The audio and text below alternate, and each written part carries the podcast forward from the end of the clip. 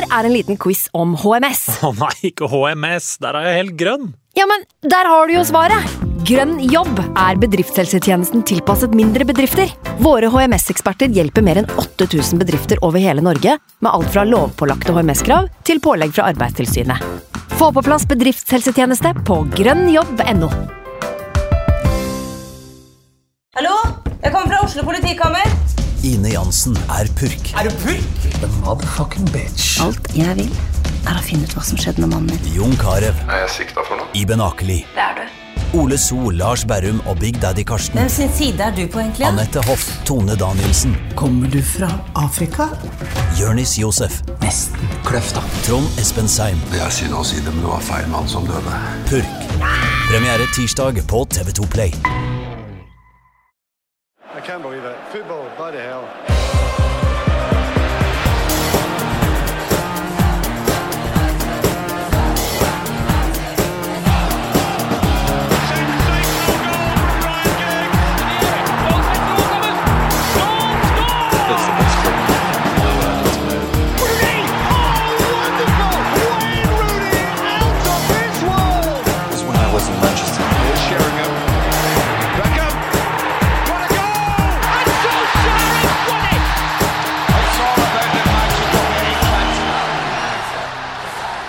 Gud skapte jorda på eh, seks dager, sies det.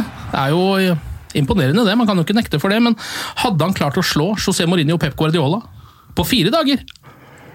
er heller tvilsomt. Jeg tror faktisk at Gud måtte ha nøyd seg med én seier og én uavgjort der på de to kampene der, og folk ville ha kalt det et mirakel.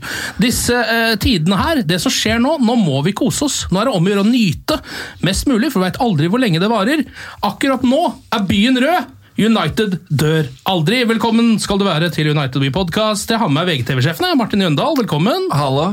Godt å se deg. Ja, Godt å se deg òg. Håkon Aaberge, United NO-journalist. Velkommen til deg også. Jo, takk skal du ha. Eh, hvordan går det med dere, gutter? Bra. jeg håper da det. ja. Hvis ikke så vet jeg ikke helt hva som skal skal det, til. det her var deilig. Det her var fint. Det, det, det har vært en god uke, rett og slett. Det kan man si. Ja, Du var vel på Spurs-matchen? ja jeg var på Spurs-matchen, eh, som var veldig gøy. Ja. Og på en måte eh, ja, hva skal man si? Jeg hadde ikke store forventninger, egentlig. Men uh, flomlys Old Trafford på en uh, onsdag kveld, uh, det var forventningen. Ok, nå må vi trykke til, og det gjorde vi. Og over, altså, overleverte for hva jeg hadde trodd på forkant. Mm. så det var en veldig sånn, positiv opplevelse. God stemning på Old Trafford. Jeg vet dere har snakka om det i podkasten her i forrige episode. Ja. Men du var jo på tribunen, så det kan være litt deilig å høre hvordan det var der. ja, det var bare Det var en eh, skikkelig bra En bra, en bra match også totalt. Altså på tribunen og eh, på banen. Og jeg syns det var en del spillere som på en måte sto opp og leverte. Eh, det var godt å se McTominay tilbake. Fred eh, og han hadde et partnerskap som var eh, oppløftende å se. Og selvfølgelig Rashford. Han er jo han er jo så bra form om dagen. Han var helt vill i, den kampen her. Ja, det var nydelig. Det var nydelig. Eh, Hvordan var feiringa etter match? Nei, den var altså Det var ikke noe sånn uh, voldsomt, egentlig. Vi tok noen øl oppe ved Old Trafford, og så uh, stakk vi tilbake til Sail og spiste en helt for jævlig uh, børek kebab, et eller annet. eh, I litt sånn En type kebab du bare spiser med over to i promille. Eh, noe som slo tilbake på meg, for på, ut på fredagen etter at jeg hadde kommet hjem, så begynte jeg å kjenne at det surkla og det var noe greier i magen som ikke var helt på stell. Minnene tilbake til børekken eh, kom kjapt, eh, som jeg egentlig hadde glemt at jeg hadde spist. Ja, for du tenkte mest på Marcus Rashford idet du da banka inn på den Børekken? Ja, ja, ja, og eh, det endte jo med at jeg eh, lå ute nede for telling jeg, i 30 timer, eh, så jeg så eh, City-matchen hjemme eh, på sofaen, noe jeg veldig, veldig, veldig sjelden gjør. Ja, du pleier jo alltid å være på pub. Ja, jeg pleier enten å være på pub, oftest pub, eller helst i Manchester. Ja. Men eh, denne gangen eh, hjemme på sofaen. Det er jo den kampen vi skal fokusere på i dag, selvfølgelig. Eh, Håkon, eh, hva er dine første tanker? Eh, United 2, City 1 på Etihad. Det er jo en god del mer enn jeg hadde forventa. Ja, Og det er jo til tross for at en har jo stort sett prestert mot topplaget under Solskjær. Ja. Men likevel så går du inn i en sånn kamp og en er ikke nødvendigvis så veldig optimistisk når en ser på de angrepsspillerne City har, og når en har sett på enkelte av de kampene United har spilt i det siste utenom Tottenham-kampen. Mm. man ser bortestatistikken vår. Ja. Ja. Altså, eller vi hadde jo ikke vunnet to kamper på rad på Nei, jeg vet da faen hvor lenge. Mm. Eh, Det var jo ingen, ja, ikke sant? Det var ingenting annet enn Tottenham-matchen, Mm. som, som jo selvfølgelig teller, men som tilsa at vi skulle få med oss et resultat derfra en gang. Mm. Så eh, nei. Det, det, det var en meget gledelig overraskelse. Og måten vi spiller på de første 30 minuttene Ja. ja, det, er, det er selvfølgelig liksom eh, Prøve å være litt edruelig her, men jeg kan ikke huske å ha sett et United-lag eh, bedre eh, enn det vi var eh, de første 30 minuttene på ti år. Nei. Altså Nei, men det er jo på måte, det er ikke så mye overdrivelse i det som det høres ut som. Fordi på ti år så høres det ut som at det har skjedd veldig, veldig mye bra, men det har jo ikke det. Nei, men, nei, men ikke sant? Ja, men hvis du ser på Vi har jo slått City borte Ja øh, før. øh, Blant annet, altså 3-2-kampen, blant annet. Ja. Men der var det mye flaks. Altså Den Ja. første omgangen der. Der ble det jo vi bare- rundkjørt i første omgang. At de bare leda 2-0 der, det var, det var uh, unlucky. Ja. Uh, og de tre måla vi får, og det straffesparket vi unngår på slutten altså alt Det var ikke fortjent at vi vant denne kampen 3-2. Mm. Uh, denne gangen var det faktisk 100% fortjent at vi tok alle tre poenga, og vi var det beste laget. Mm. Og vi var soleklart det beste laget eh, i eh, første omgang, og kunne ha leda 4-5-0. Det var liksom, det var nesten Hæ, uvirkelig det, det som foregikk der ute. Ja. Eh, Jeg, jeg, jeg lå jo med sånn småfeber og bare Hva Ja. faen er det som skjer her? Altså, Du trodde kanskje det var en sånn feberfantasi? Feberfantasi, ja. Altså, det var ja, det var nesten litt sånn surrealistisk hvor gode vi var de første 30 minuttene. Eh, Hvordan vi bare carva City eh, Open gang på gang på gang. Det så ut som en skulle komme seg til en sjanse hver gang en fikk ballen. Ja. Har du noen forklaring på hvorfor det blei sånn? Det er ikke så, altså, nå har jo City vært svakere enn de var forrige sesong, f.eks., men, Altså, men, men jeg tror ikke det er den eneste forklaringen her. Nei, ikke sant? Du kan jo ta City, og så kan du Ja. se litt på de forsvaret deres. Eh, mangelen på Company, Laporte ute. Eh, generelt kanskje litt mettere etter to ligagull. Ja, litt svakere i presset. Altså, jeg, eh, det er noen forklaringer der, men eh, for meg var det på en måte eh, nok en bekreftelse etter Tottenham-matchen. Nok en bekreftelse på at Solskjær eh, har det som skal til taktisk og gameplan-messig. Som har kanskje vært en, eh, en, eh, noe jeg til og med har tvilt på ved Solskjær som manager. Altså, jeg har hele tiden sagt at eh, at den langsiktige planen til Solskjær, de strategiske valgene han begynte å ta allerede altså i sommer, og som han har snakket om gjennom høsten, det kan jeg stille meg 100 bak. Men er han god nok på treningsfeltet? Er han god nok i kampledelse? Det har vært usikkerhetsmomentene.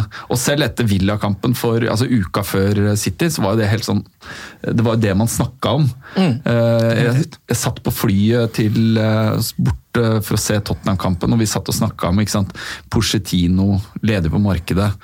Eh, Kanskje det hadde vært en løsning at Solskjær bare frivillig tok jobben som sportsdirektør, eh, og kunne ha den langsiktige planleggingen som, som sitt arbeidsområde.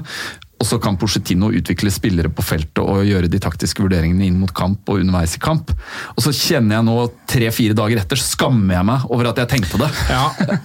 Men det er jo ikke så rart, fordi eh, jeg vet ikke hva du tenker om det taktiske som Solskjær har gjort eh, hittil, Håkon, men det var jo et par kamper nå nylig hvor han, man fikk følelsen at han dreit seg litt ut. Eh, ja. Edvard gjorde noen bytter der, defensivt bytte som gjorde at uh, Sheffield United for eksempel, begynte å kjøre litt over de på slutten. Han bo- han bomma mot deg, ja. Bomma kanskje litt der.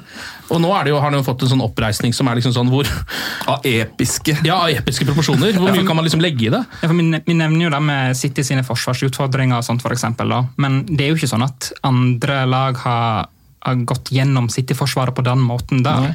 Altså City har vært eh, dårligere defensivt enn tidligere, men ikke på den måten der. Nei. Og Det sier jo noe om at her har Solskjær truffet skikkelig bra med kampplanen inn mot denne kampen. Ja, og Ja, altså, Det er jo det offensive, men du kan jo også trekke fram det defensive. Definitivt. Måten, altså eh, Måten han, eh, han eh, la opp spillet på de første altså Det ble jo veldig tydelig de første 30 minuttene. eh, hvordan Lingard alltid fant rommet bak De Bruyne eh, ut mot venstre og var et konstant oppspillspunkt når vi vendte ballen. Og måte tempoet vi kom med i den trioen på topp. Det, City var ikke i stand til å håndtere det, rett og slett. Og Rodri, som skulle på en måte være det defensive, han kom aldri oppi på noe som helst måte. Eh, Fred og- slo luke på Rodri underveis i matchene. Ja, Fred- er ganske... det, det er så fint når Fred endelig nå ser ut som en brasilianer. Ja, han gjør jo det. Han har, nå Fred eh, Nå er jeg liksom, Det er jo svart-hvitt i fotball, da, men nå føler jeg liksom at jeg er litt overbevist av Fred. Da han har hatt eh, fire-fem eh, ordentlig gode matcher på rad nå. Absolutt, eh, og det er jo selvtillit. Det handler Ja. om samspill med McTominay. Ja, Det handler veldig mye om det, for han var ikke like god da McTominay var ute. Nei. Nei, og det er jo liksom også en ting man kan trekke fram her. det er liksom Etter at McTominay kom tilbake, så har det jo, er det jo disse to matchene. Spurs-matchen og City-kampen, liksom. Så hvor eh, er, altså, er den mannen helt Zidane, eller hva er det som er greia her, da?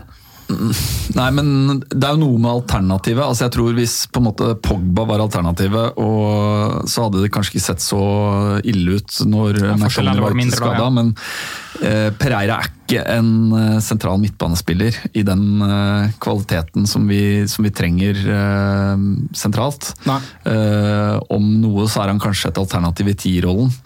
Eh, Så jeg tror mye ligger der, men så handler det også om McTomney som kommer med en sånn fysisk presence, en sånn shield for forsvarsrekka vår. Mm. Mot City så så du jo du så tydelig at vi styrte på en måte, Når City angrep, så styrte vi det ut på kantene. Vi ville ha ballen ut eh, på kant, på høyrekanten. og Dette skriver jo han eh, tror jeg i United.no eh, bra om i den taktiske analysen. Ja, vi så, så var vi særlig solide på høyre side, fordi der skal Stirling prøve å på en måte eh, tråkle seg gjennom et eller annet veggspill.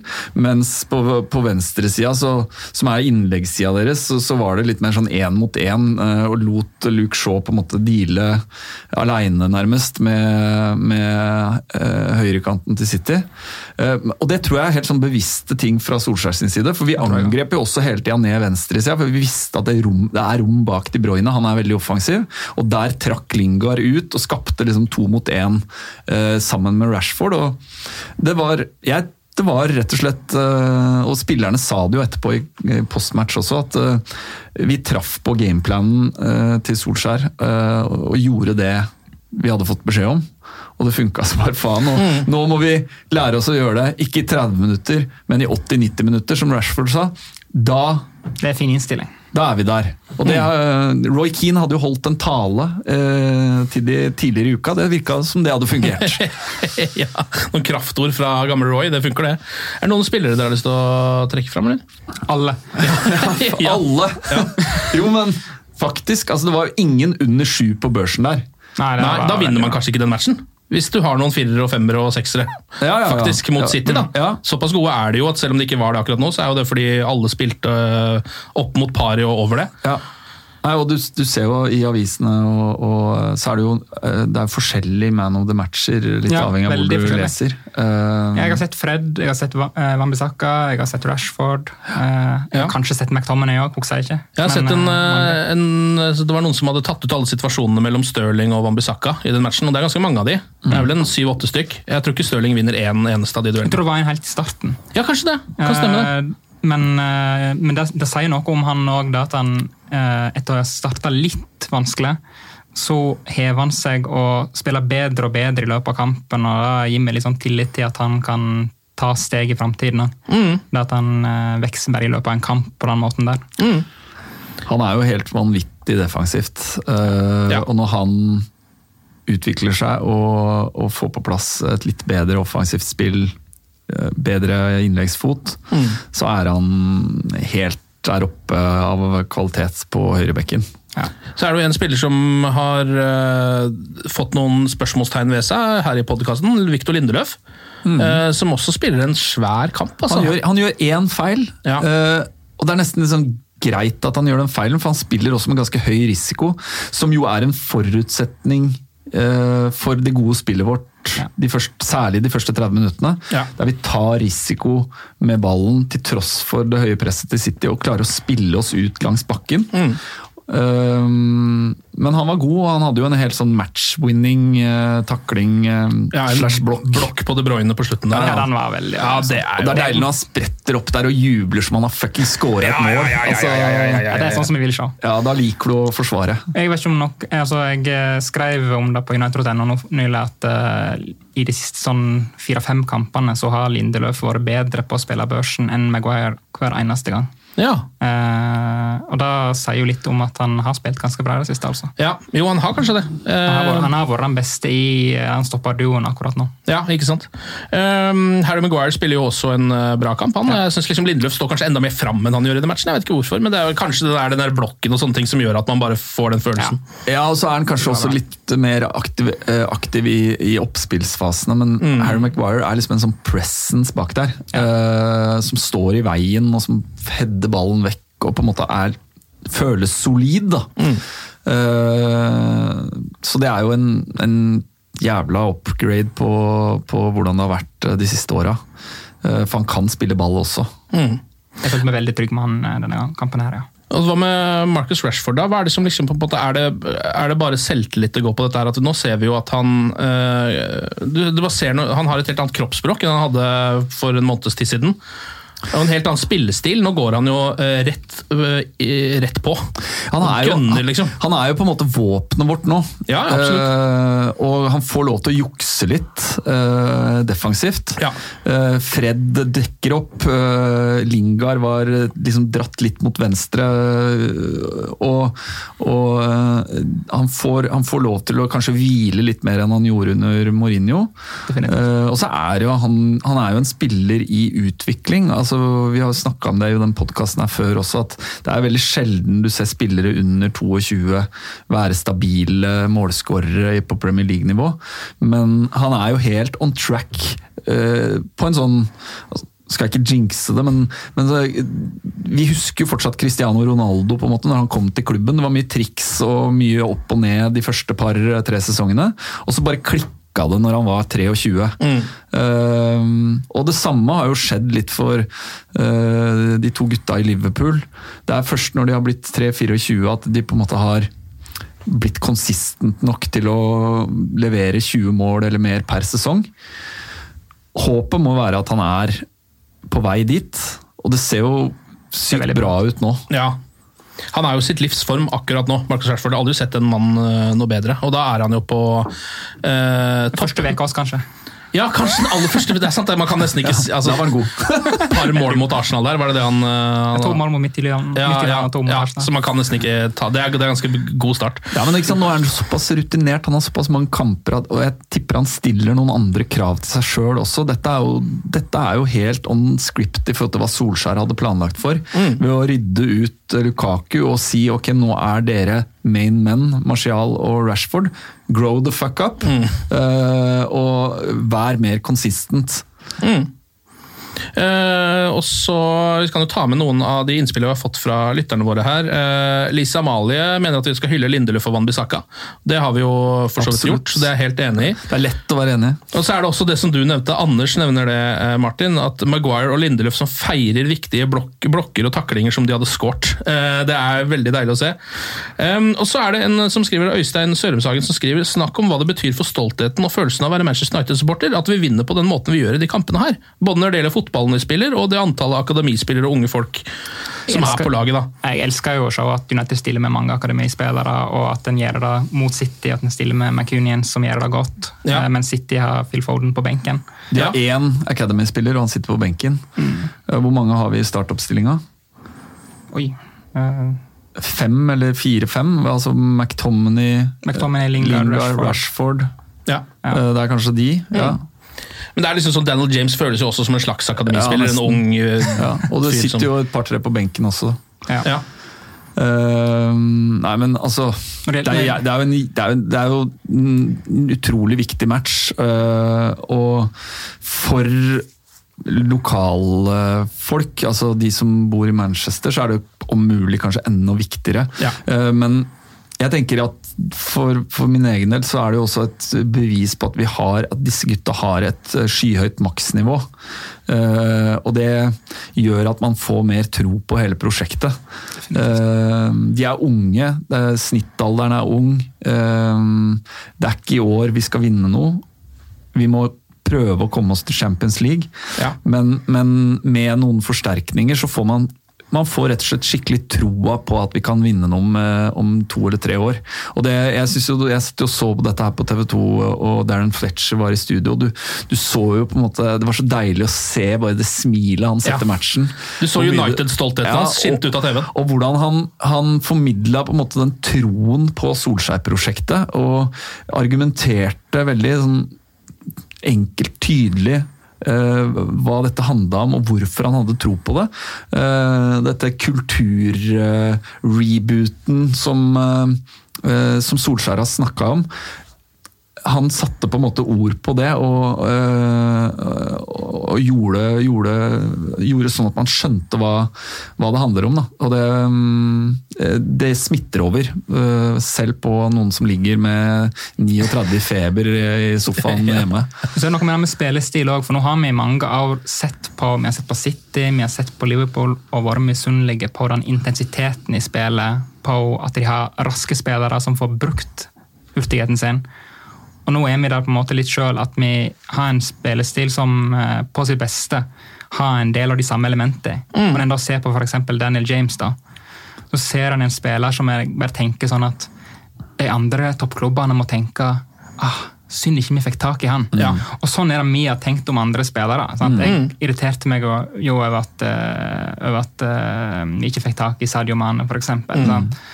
Uh, og nå har vi en ung spiller som kan bli veldig spennende. Ikke på samme måte nødvendigvis, men vi har litt den, den rette typen spillere, på en måte. Og det er veldig fint å se. Uh, Jesse Lingard viser jo tegn til å være tilbake også nå, på nivå. Etter å ha vært eh, ganske svak over en ganske lang periode. Ja. Eh, Så Solskjær var og hinta om at det hadde vært en vanskelig tid for han, og det virka ikke som han da snakka om det som skjedde på ba liksom sånn, egentlig bare fotballen. Er det, noen som, det, er altså. det noen som skjønner noe av hva det var? Nei, men det er jo, det er jo bare spekulasjon, så han har ikke sagt noe mer. og Det er, det er litt- må det er- sannsynligvis være i garderoben eller være i familien hans eh, for å, for å vite hva det handler Så, om. Telegraph hadde, de nevnte noe om at jeg tror bestefaren hans hadde vært syk og noe greier. Okay, så det er Og- og og de, og de var veldig, de er veldig close. Ja, bestefaren har jo, Det er bilder fra når han var liten sammen med bestefaren Ja. sin. ja. Eh, Men jeg, eh, jeg vet jo ikke om det er det, eller om, altså, om de egentlig vet noe om det er det som er grunnen, eller om de bare skrev det som et eksempel på noe det kan være. Ja. Men uh, Det kan jo ha bidratt. Men det er uansett godt å se han eh, tilbake i bedre form. Han ser Altså- definitivt bedre ut nå. Mm, Altså. ja, nå, nå er han jo, en, eh, nå er han jo en, eh, en del av det laget som er høyst nødvendig. Og så er det, en interessant, det er interessant å på en måte ha i bakhodet som fotballsupporter, særlig hvis du er en av den typen som venter i kommentarfelt på Facebook og skriver under Insta-innlegg fra spillerne og sånt. Nå tviler jeg på at mange av lytterne av den podkasten her er innenfor den kategorien, for da kan du skru av. Ja. men, men det er jo det er jo faktisk eh, en sånn reminder på at de folka som spiller fotball også er menneskelige. Og alle som har vært igjennom en sånn situasjon, enten det er foreldre eller besteforeldre, noen i nær familie, venner som er sjuke, veit jo hvordan det påvirker Ja. ens egen eh, kapasitet i forhold til å konsentrere seg og gjøre jobben. Mm. Eh, mentale er veldig viktig i fotball. Og det er, så, det er så mange små detaljer som kan dytte det litt ut av spill. Og, ja. Ja, altså Man kan jo tenke seg at folk eh, sykemelder seg jo fra jobben eh, hvis du har en syk far eller bestefar. Mm. og Det kan hende du har en Det er ikke sikkert at jobben din nødvendigvis er så krevende for at du skal klare å miste fokus heller, men du tar de fridagene fordi det trenger du som menneske. Og Her er det da folk som skal prestere på verdensklassenivå innen idrett, som jeg tror er en skjørere greie å klare å få til hver eneste dag, da, enn å f.eks. Uh, skulle Ja, jeg vet da fankeren, jeg fikse noen lønnssystemer eller hva det måtte være.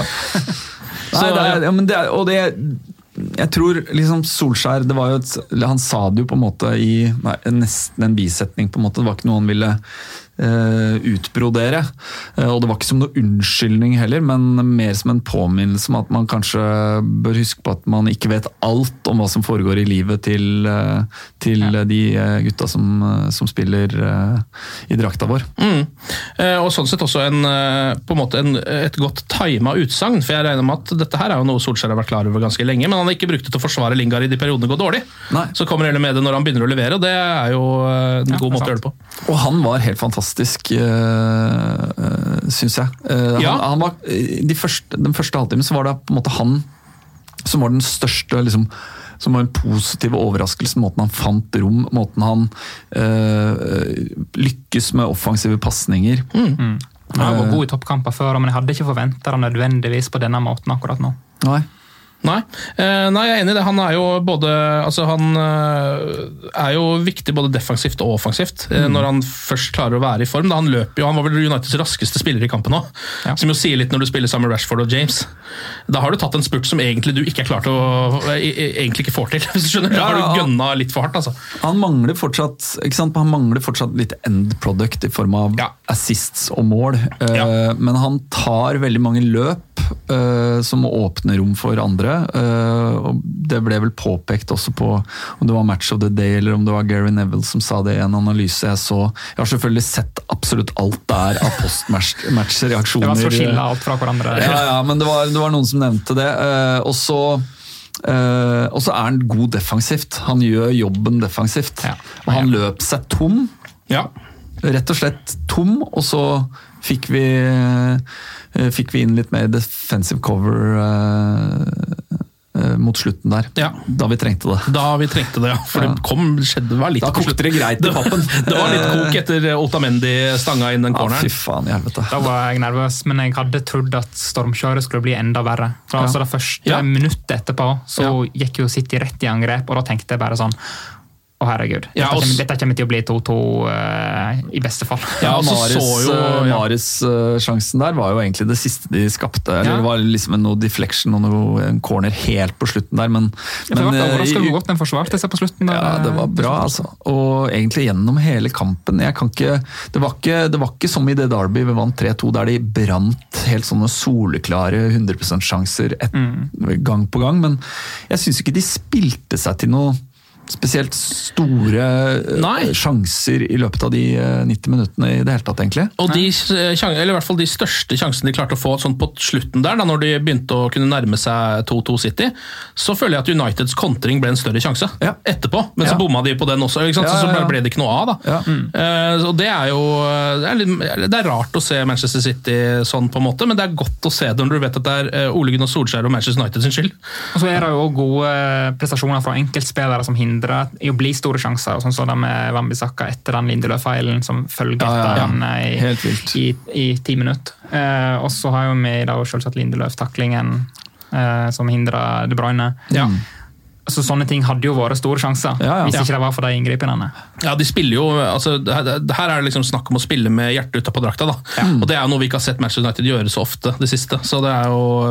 Nå Nei, har vi, altså, nå har vi sett i to kamper på rad mot eh, noe av det beste motstand man Ja, få. nå må vi bare produsere nå må vi, altså, Det er jo veldig greit å analysere situasjonen til United akkurat nå. Det er mot topplag der vi kan på en måte eh, spille kontringsfotball, for å på en måte generalisere veldig.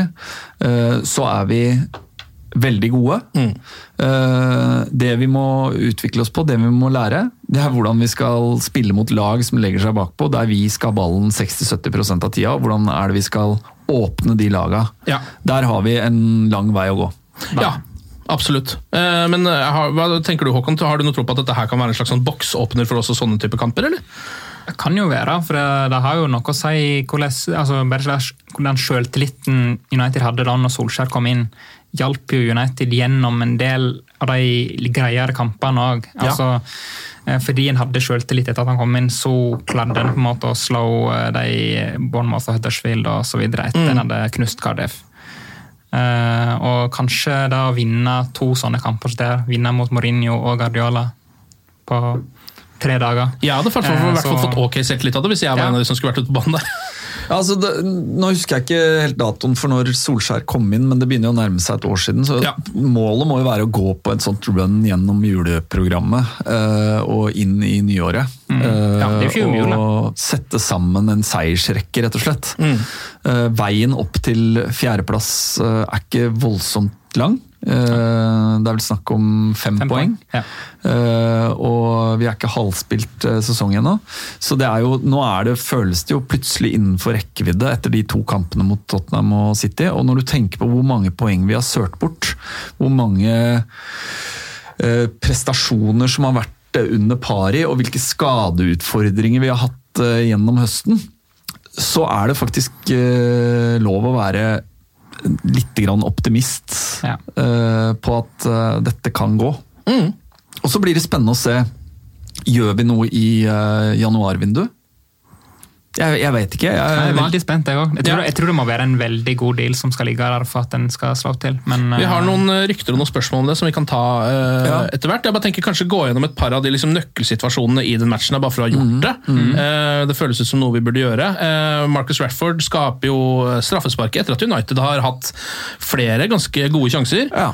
Eh, og det er jo ved et enkeltmannsrun. Han går vel forbi en tre-fire folk der. Til slutt så blir han litt sånn klumsete Hva skal man kalle det? En liten hoftesleng er det vel egentlig fra Bernardo Silva. Ja.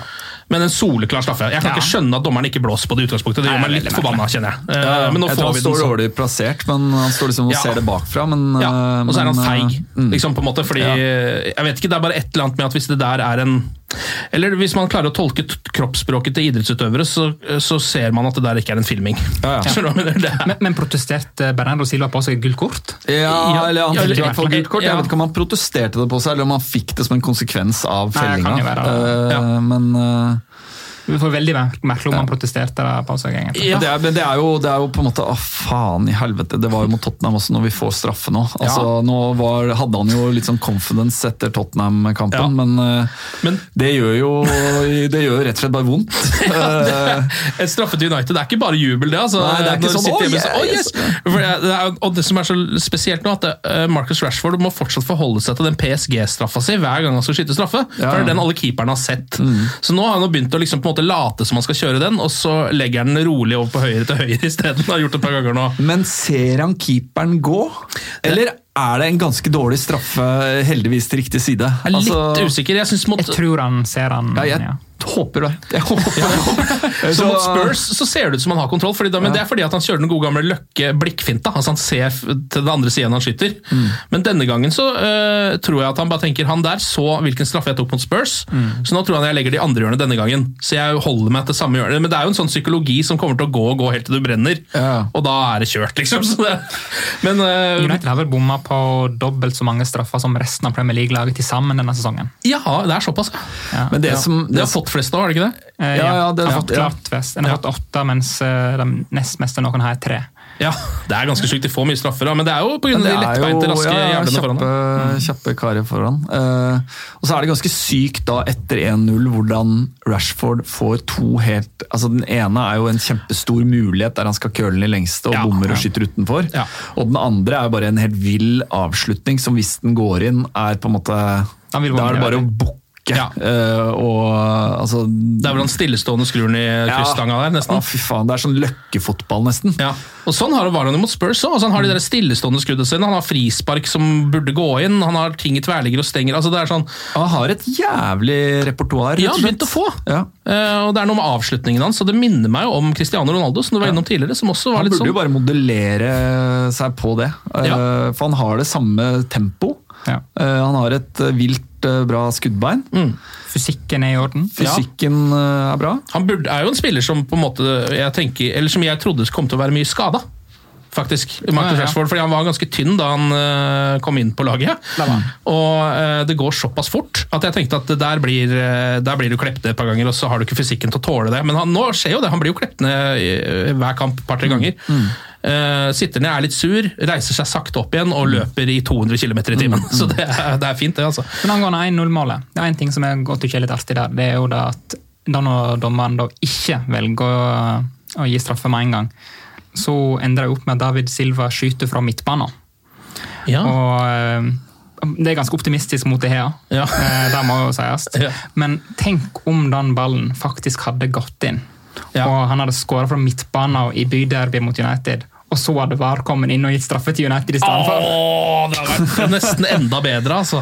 Da Jeg husker jeg satt og så på en kamp hvor det der skjedde, hvor det var et lag som skårte, og så ble det annullert fordi det da var straffe andre veien. Men, Men, men, men, en, en, en ting jeg er lurt på, er det noe sånn fordi ikke sant, Vi får ikke straffe i den situasjonen, spillet går videre. Eh, hva hvis ballen er i spill da i liksom fire-fem minutter? Ja. Er, det noe, er det noe sånn tidslimit på når de kan gå tilbake og gjøre et VAR-review og si Jeg tipper at de hadde Dette vet jeg ikke, så nå er det bare ren gjetting. Men Ja. jeg tipper at de vil sjekke det umiddelbart uansett, og at eh, Calle ja, det til dommeren? Jeg sier fra om at nå må vi Ja. stoppe det, på en måte. Ja, nei, jeg tror faktisk at det bare For hvor lenge etter en eh, potensiell Ja, ja. liksom, niffi hendelse skal man gå og liksom sitte og være redd Ja. for at å faen, nå Nei, det- sitter de på var og Jeg er ganske sikker på at det er helt til ballen går ut og spiller, altså. Eller Ja, helt det er til dommeren blåser en gang. Ja. Så jeg, det, ble, jeg ble veldig glad da når David Silva skjøt av skuddet og ballen faktisk gikk ut, for da tenkte jeg nå, Nå kommer det ut Ja, jeg Ja, ja, vet det, ja. jeg. Bare faen, få den ballen ut! Altså, Ja, Vi ja, må se den jævla Ja, for situasjonen en gang til. Sånn blir det jo. Så Ja. det er, man sitter jo bare og liksom, og det, Sånn er, tenker jeg jo også, for når, når, hvis det er en, noe du ser at det er et ganske øh, En eller annen klar forseelse, da, og United går i angrep, og de kanskje er liksom i ferd med å score, så er det sånn Men hvorfor gidder dere? Det her blir annullert, liksom. Det er ikke noe vits å gå i angrep, få ut ballen, så ser vi Ja, hva som skjer. og den, ene derfra. første sjansen til Martial, uh, før han scorer altså den, uh, Der går det jo et oppspill til Rashford som er i offside. Ja. Eh, tror jeg. Ja. Og som spiller videre til Martial, og som uh, avslutter og treffer keeper. Altså Det tror jeg f- Litt spekulasjon, for det ble jo aldri noe var på det. og sånt, Men hvis den hadde gått inn, så tror jeg den hadde blitt annullert. Ja. Ja, det er vel viss sjanse for Eh, det. Så det var greit at han sparte det stolperotskuddet til eh, neste situasjon. Ja, eh, og det er jo et deilig mål. Eh, Martial får ballen, eh, gjør de tingene som vi på en måte har gitt han ganske mye kred for at han er bra på som spiss. Da. Han er god til å holde spillere unna og vende opp og få skaffe seg litt rom litt alene. Først litt irriterende, som litt sånn dårlig pasning som eh, han er i ferd med å spille bort ballen, og så vinner han tilbake igjen. Ja. Og så gjør han noe bra greier. Ja, fordi så er Martial i et nøtteskall, På en måte, fordi Idet han begynner å vende hjemover der, så tenker jeg åh, Ja, blir jo sur. Eh, og så spiller han ballen til James, får den tilbake. Eh, City-forsvarerne er jo eh, helt Passive. passive inne i 16-meteren sin. Ja. Og avslutningen ser jo først ut som det ikke burde være bra nok til å gå inn, men så ser man at den er helt inne ved stanga, da, så det er greit nok, det. Men Klasse. måten City forsvarer seg på der, der får jo bare United-forsvarerne til å se enda bedre ut. Ja, Ja. det er det de gjør. Så kan vi sammenligne og så sier vi ja, dette hadde jo faktisk vi klart å stoppe. Ja, sannsynligvis. ja, det hadde vi jo også i den kampen, iallfall. Mm. Eh, og så kommer jo Otamendi sitt mål. Eh, mm, litt kaos på slutten. Dommeren blåser til slutt da i det United er i angrep, så vidt jeg kan huske. Og jeg begynner å tenke at nå blir det tre igjen. Ja, ja, Rashford er på et løp der. Ja. Ble du sur? Nei, jeg, jeg, jeg, jeg ble faktisk bare glad da. Jeg tenkte, herre jemini, det her var deilig. Eh, så det er eh, gode tre poeng på ett av det. Noe, altså noen, som, noen rundt bordet her som var nervøse for uh, hens på, på Lindløf og Fred, eller? Ja, absolutt. Ja, jeg var, jeg var det. Ja. Uh, Spesielt når United har fått et straffespark. Ja. mm, ja, det gjorde det verre. Ja, for Lindløf, Lindløf sin er jo tidlig i matchen. Ja. Eh, det er vel på 0-0, tror jeg. Ja, det er det sikkert, ja. Eh, og der er det vel han blokkerer han med beinet, og så spretter ballen opp i hånda. og Der er det noen regler som sier at eh, det er ikke nødvendigvis hands hvis ikke det er altså, Ja. De har gått ut og sagt at det var korrekt. Det var Begge var korrekte. Mm. Uh, Men det som er litt spesielt med den Lindeløf-hendelsen, så vidt jeg kan huske, er at ballen eh, treffer hånda hans to ganger. to ganger, ja. ja. Og da tenkte jeg kanskje at den første er fordi den treffer beinet, men den andre er rein straffe. ikke sant? Så det er vanskelig å vite hva de tenker inne på varerommet. Ja, og Samme med Fred sin. altså Jeg har ikke lest de reglene, uh, men du ser jo han går, med, han går ned med hendene på ryggen. og Ja. er, På et eller annet tidspunkt så må han slippe den posen for å ta seg imot. For å ta seg imot, og det er jo akkurat idet han går i bakken, og da Ja. kommer ballen inn. Ja. Uh, og den også er sånn som er akkurat i grenseland, føler jeg. fordi som du sier, han har hendene bak ryggen, og da kan man ikke ta ham på det, men idet han faktisk setter den i en unaturlig posisjon, som for så vidt er naturlig fordi Ja, han den må- er naturlig. Det- er er er- er, det er en naturlig posisjon, for han må jo Ja. det, ellers så Ja, ja, Men det er også han som velger å gå ned. Ja. Han kan holde seg på beina, f.eks. Ja, ja. Så, det er, så, så man kan hele tiden sitte og diskutere de tingene. da. Men utrolig deilig Men, at ikke det der vi, er, vi, er vel, ødelegger. vi er vel enige om at det var to korrekte dommeravgjørelser. Ja, Helt enig i det. Det blir veldig kjipt hvis de der det betyr ikke at vi ikke var redde. Nei, Det betyr heller ikke at jeg ikke hadde klagd litt hvis ikke United hadde fått et av de to i en sånn kamp. Ja, ikke sant? det- For sånn blir man. Ja, men man er jo irrasjonell og partisk, selvfølgelig. Absolutt. Hele tiden. Eh, Det er et spørsmål her fra eh, Benjamin Dale Hosum, som lurer på hva tenker du om at Maguire er kaptein og ikke eh, De Hea i denne kampen her, da? Jeg tenker det er helt riktig. Jeg tenker at det nå framstår sånn at det er han potensielt på sikt en Scott McTominay som er liksom kapteinsemner, og som prater og kommanderer underveis. Enig. De Gea står litt for langt tilbake på banen. Jeg liker ikke helt den, det med å ha en keeper Nei, som keeper som, som, altså Keeperen skal dirigere forsvarsfireren, det er ja, greit. Det er jobben deres, på, så kan heller noen der Men videre fram i banen, på en måte. Men jeg tror det, det, jeg tror det Benjamin lurer på jeg tror kan hende Han også er enig i at Maguire burde være kaptein, men siden De Hea på en måte egentlig er over han i rank, på en måte da, Ja. så tror jeg han, han lurer da på kan det ligge noe mer bak det. Altså At han er i ferd med å gå fra klubben. Nei, nei, ikke nå. Eh, altså, han, Eller etter sesongen, for den saks skyld. Nei, det, det kan jeg ikke Det har jeg null tro på. Han har akkurat signert en ny kontrakt. Eh, og club captain er jo uansett uh, Ashley Young. Så det er ikke sånn at uh, det er club captain som er degradert og gitt kapteinspinnet videre. Det er bare vikaren til Ashley Young har blitt bytta ut med en annen vikar. Ja. Og jeg tenker jo at til sommeren så kommer det naturlige skiftet til å skje uansett, og Maguire, Maguire kommer til å gå inn og bli club captain. Ja. Det er ikke usannsynlig, nei. Og da er han jo ikke clubcaptain, eller han er bare captain, fordi han er faktisk en kaptein som spiller. Ja, ikke Så det er jo litt deilig. For Det det, lenge siden de gjør det skiljet. jeg vet ikke om det var så sist gang eh, Valencia løp opp og ned høyrebekken, at vi hadde en kaptein som faktisk spilte. Ja, ikke sant? Og det var jo en veldig merkelig valg av kaptein. Ja, En fyr som ikke kunne språket som de andre på laget snakka, f.eks. Sånn er det jo. Ja. vi kan jo kanskje dele ut noen poeng til Uniteds tre beste spillere. Uh, Levi Andreas Nygaard sier at han tror vi må utvide poengskalaen denne uka. Han foreslår da fire poeng til Aron Wanbisaka, tre til Rashford, to til Fred og ett poeng til McSauce. Jeg vet ikke, Hva tenker dere?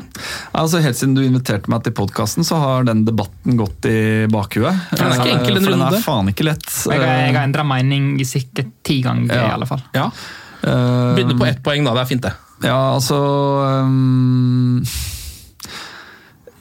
må, Vi må nesten snakke om hele laget, fordi jeg, jeg føler Vi var innom at alle spilte til sju eller bedre på børsen. Eh, og jeg tenker det var to sjuere der ute. Uh, og det, jeg syns de to svakeste på United var uh, Shaw og Martial. Ja. Og de var gode, men de var ikke på en måte outstanding gode. På, på, altså, de var bra. Ja. Eh, og så syns jeg på en måte begge stopperne våre var en soleklar åtter. Jeg syns uh, høyrebekken vår var en rein nier.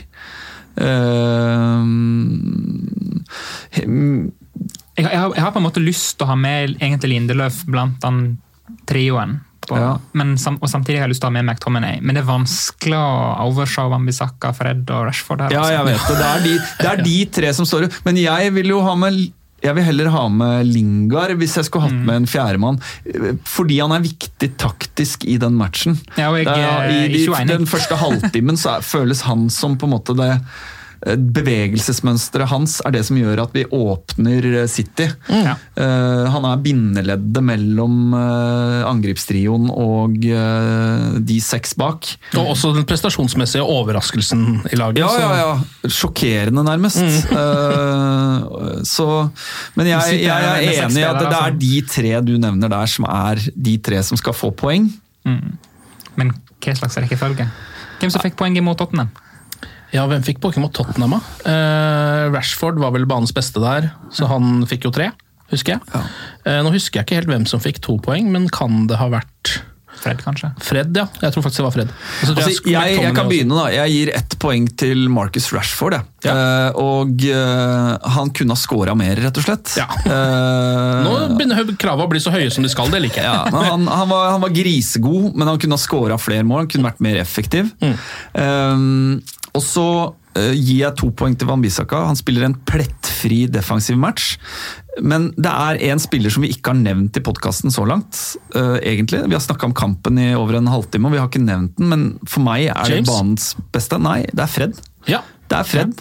Fordi han nøytraliserer City sitt soleklart viktigste angrepsvåpen i De Bruyne. Uh, Og han gjør det samtidig som han bidrar konstruktivt forover i banen.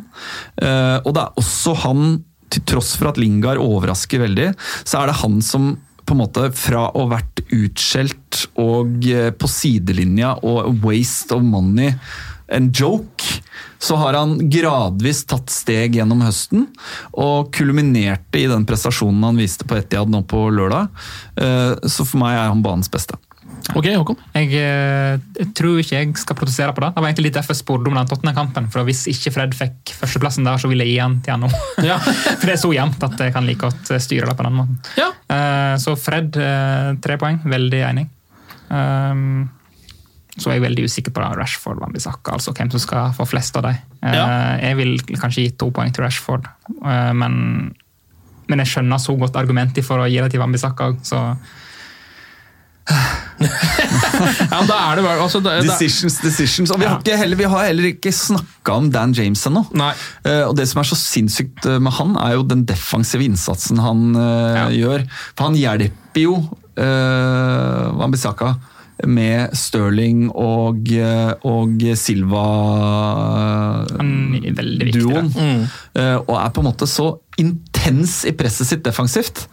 Og har samtidig krefter til å ta alle de offensive løpa. ja, og han, har- han har noen halsende defensive løp der, altså, hvor han bare flyr hjem for å fikse opp. Det er så jævlig deilig å se på. Ja, det er det. Veldig. Eh, så det er jeg helt enig i. Det det er jo en eh, Det er jo på en måte et, Det er egentlig sånn tre poeng til hele elveren, dette her. Men eh, vi lander jo da til slutt på at det er Fred som er eh, banens beste. Ja, det, det er kanskje litt kontroversielt for en del lyttere, jeg vet ikke. Det kan hende, men, men eh, jeg syns også det er liksom noe han fortjener. eh, med tanke på de stegene han har tatt bare den siste måneden, nesten. Så er det fors, forsinka bryllupsgave etter de to bryllupa fra United We Podcast.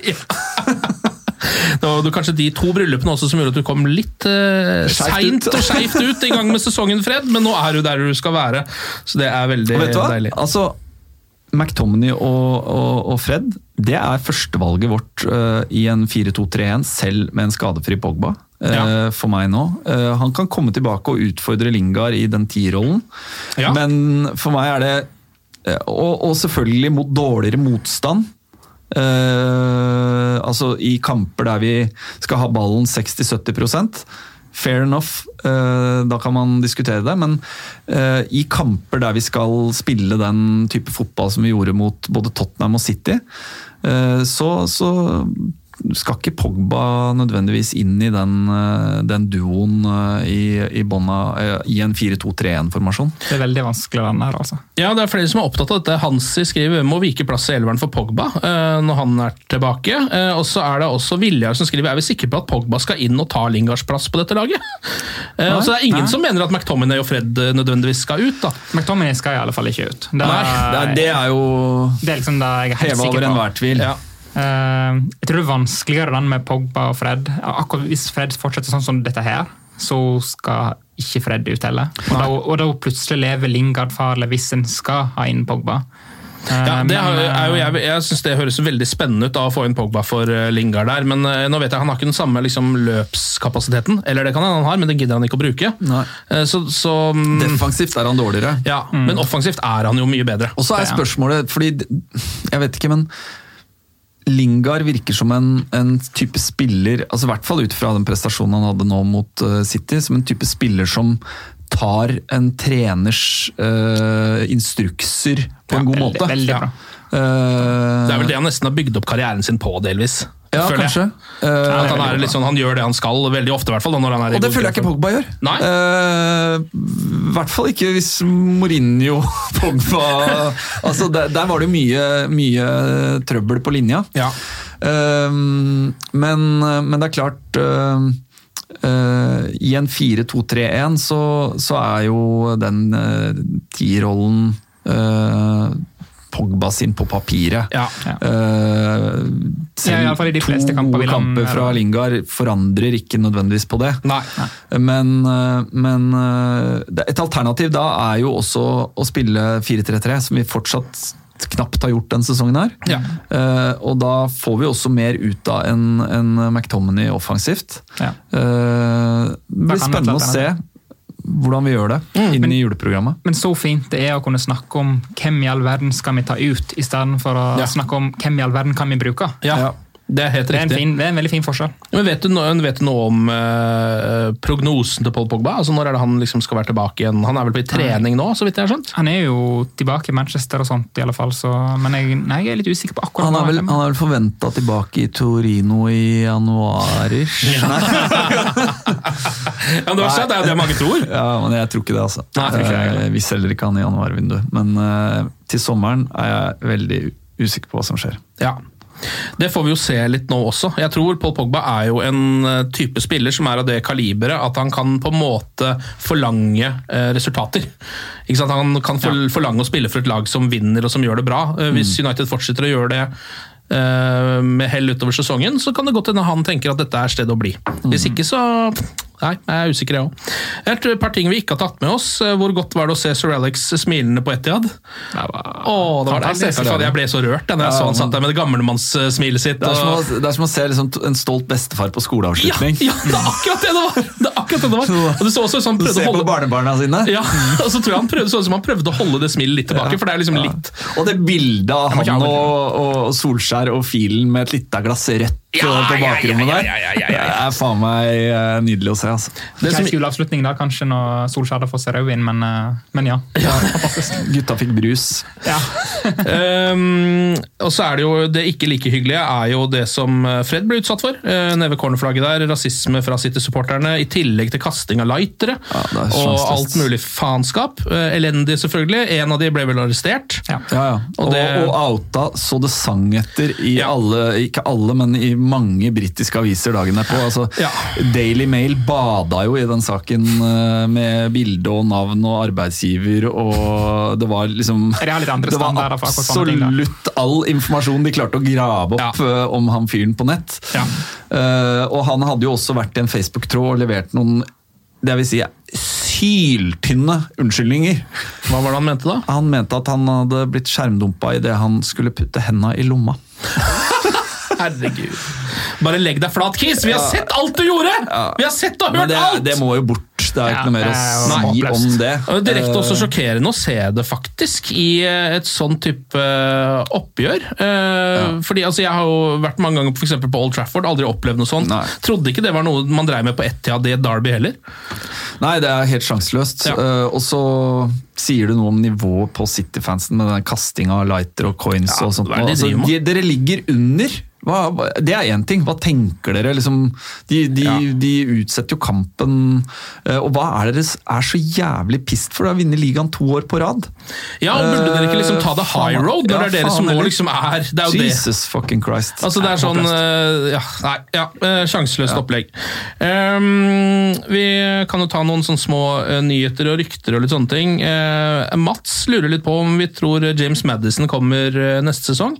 Jeg håper det. Det håper virkelig jeg òg. Ja. Jeg liker han veldig godt. Uh, er litt sånn usikker sånn hvis Leicester ender opp i Champions League og ikke United, Ja. så kan det jo være at han Ja. blir der bare på noe da. Eller at det bare blir dyrere å kjøpe han. Ja, sånn. Men det blir nok Eh, men- vanskeligere da. Mm. Uh, men han har jo um, han har jo, Der ligger jo en video ute der han uh, viser noen United-fan-tendenser Ja, ja. uh, på et eller annet sånn Q&A-greie og sånt noe. Ja, jeg tror han var United-fan Så, ja. Så uh, han, Sancho Mm. eh, Kanskje Haaland, I don't know. Ja. Men vi må ha noen sentrale midtbanespillere. Uh, Ja. Særlig hvis Pogba stikker, men det kan vi kanskje ta i en annen pod. Ja, akkurat det med Pogba det tar vi ikke akkurat når vi venter til han faktisk har satt opp på flyet. Uh, Men eh, Christian Eriksen er det jo snakk om hele tiden. Kontrakten hans går ut til sommeren og sånn.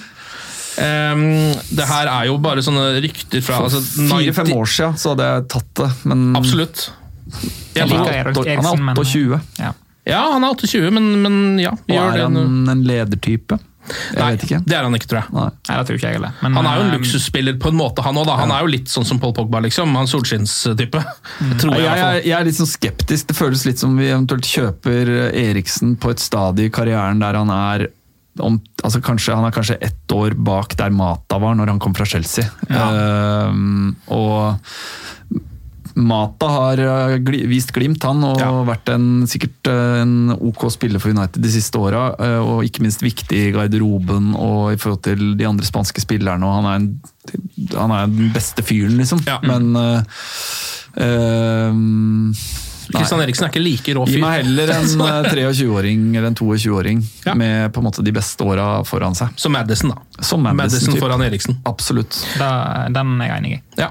Ellers så liker jeg at Chris Smalling har fått seg en revival. Nå er det da, uh, Han eh, driver jo og koser seg borti i Roma nå. Ja, Hadde en match også. med et par mål og noe assist. og noe Ja, ja, uh, og Nå hevdes det da fra Italia at Juventus, Milan og Inter er interessert i Smalling. I tillegg da til Roma, som vil ha han videre. Arsenal, Leicester og Everton! Er bare- Alle skal ha Chris Smalling! og det er han som er det nye! For, en, for et geni Woodward der, som sender han ut i shoppingvinduet nede i Roma. Det er jo helt fantastisk. det Kan bruke han for å få tak i noen av Leicester-spillerne. Det er som, Ja, det er som vi har sendt en på en måte litt sånn uh, fake eh, Gucci-bag produsert i Manchester ned til Roma, og plutselig tror alle at det, at det er er en Gucci-bag.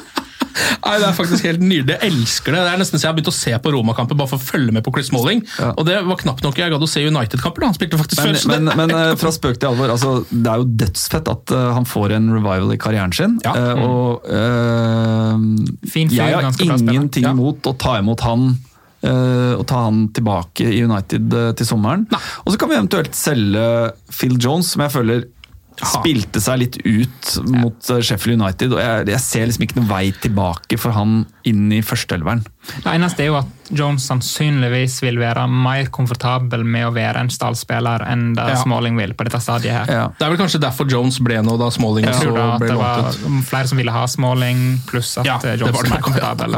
Men hvis det er tilfellet, kjør budrunde og få eh, penger inn som vi kan eh, ref, altså som vi kan investere i nye, nye spillere til sommeren.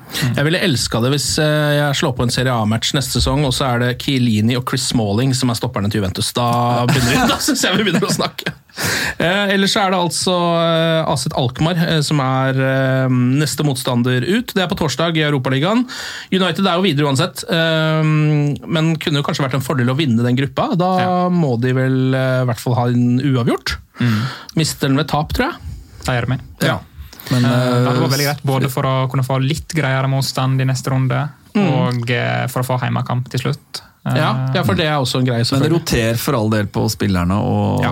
men, men det blir nok ikke gjort like mye som mot Astana, for å si det slik. nei, nei. nei, nei. Men Nei. eh, da å få inn f.eks. Greenwood, eh, få inn Mata, altså gjør, for, gjør forandringer. Da Ja. er bra. Garner. Garner hadde vært Ja. veldig fint Også. Mm. Og også noen sånn, altså Brendan Williams eh, Ja, ja, ja. burde jo spille. Noen av de der er jo gode nok til å spille disse kampene. Ja, ja. Eh, Williams bør spille begge de to neste midtvekekampene. Altså Ja. Både nå mot eh, Alkmaar og mot Colchester. Ja. Ja, Fordi at Da kan han spille litt uten press, og sånt, samtidig bygge opp enda mer førstelagserfaring. Og, Mm. ja. Og så er det jo Premier League eh, mot Everton, da. Eh, På søndag. De har jo eh, hatt en litt sånn rar sesongåpning. Siste kampene så har de da to seier og tre tap mm. på de fem siste. Men det forrige Slo kampen deres Ja, det var jo ganske imponerende. da, 3-1 mot Ja, Chelsea. og Duncan eh, Ferguson i managerstolen, masse passion, alt Ja. mulig. Men Så- nå må vi for faen ta og vinne en match vi, som vi skal vinne. Ja. Og det, det, det må være litt sånn ærgjerrighet på det. Helt enig. Uh, bare liksom fei over de nå. Ja, men litt sånn, Det eneste som er litt skummelt, er jo akkurat det der med managerskifte. Eller at de har fått inn en eh, Han er vel bare sånn interim, er han ikke det? Jo, og det Jo, har jo. vært snakk om at de skal prøve å få inn noen andre permanent fort. Ja. Men om det skjer før United-kampen, det er jo veldig usikkert. ja, det gjør det sikkert ikke. Nei, Da skal det gå veldig fort. Men jeg bare føler at de har fått en boost med Big Dunk. Da. Det, gjør jo, altså sånn, det er jo den effekten som ofte kommer. Ja. Så det er liksom litt uheldig at de skal møte altså Det har vært deiligere å møte de før det skjedde. da. Ja, ja, men, Men sånn er det. eh, men nå må vi begynne å vinne de kampene der. Ja. Og det er liksom Det er en mindre utfordring enn å gå til eh, dra til Etiad for å få tre poeng. Så, Ja. eh, men, men gå inn i matchen med den samme passion og den samme workraten og øh, den samme innstillinga, så vinner vi. Ja. Vi, så, jo noen positive tegn før forrige landslagspause mot Partisan og Brighton, der, der en gjorde det veldig gode kamper mot mindre lag. Og Ja. da var jo McTominay òg i bra form. og, Ja. og da, da å ha han nå gjør jo det til andre kamper enn Sheffield United og Aston Villa. Mm. Så Og den formen Marcus Rashford er i nå, så jeg tenker jo sånn en spiller av det kaliberet er jo sånn, burde sånn alene i den formen være nok til å slå Everton akkurat nå. På en måte Selv om det høres ut som han undervurderer, men det gjør de nok også litt. Grann, fordi sånn har det vært hele sesongen. Ja. Eh, ellers så kan jeg jo nevne at hvis det er noen United-supportere der ute som eh, trenger noen julegaver eh, å kjøpe til andre folk som er glad i Manchester United, så har jeg skrevet en bok om, om Manchester United eh, og om Ole Gunnar Solskjær. Den heter 'Klubben først United fra Ferguson til Solskjær'. Finner den eh, ute i bokhandelen, eller så kan du jo google det opp. Eh, så har du en helt ålreit julegave til dine United-venner. Ålreit, gutter. Tusen takk for innsatsen. Er det noe noen vil si helt på tampen før vi stikker og gjør oss klar til Aset og Everton-matchene? Ingen som har kommentert at jeg har på meg lyseblå T-skjorte? Jeg har sett det, men det, jeg ser at det er en surfer på den. Så, Ja, ikke den ja, ikke sant? Ikke det, men det er ganske li- det er farlig nære det der eh, seilbåten som Manchester City har som, eh, som logo. så det, du må passe deg litt. Vi må vise litt solidaritet med de lyseblå nå i disse juletider. De stakk, stakkars lyseblå Citys, rasistiske City-supporterne. ok, eh, veldig bra, gutter. Glory, glory. Takk.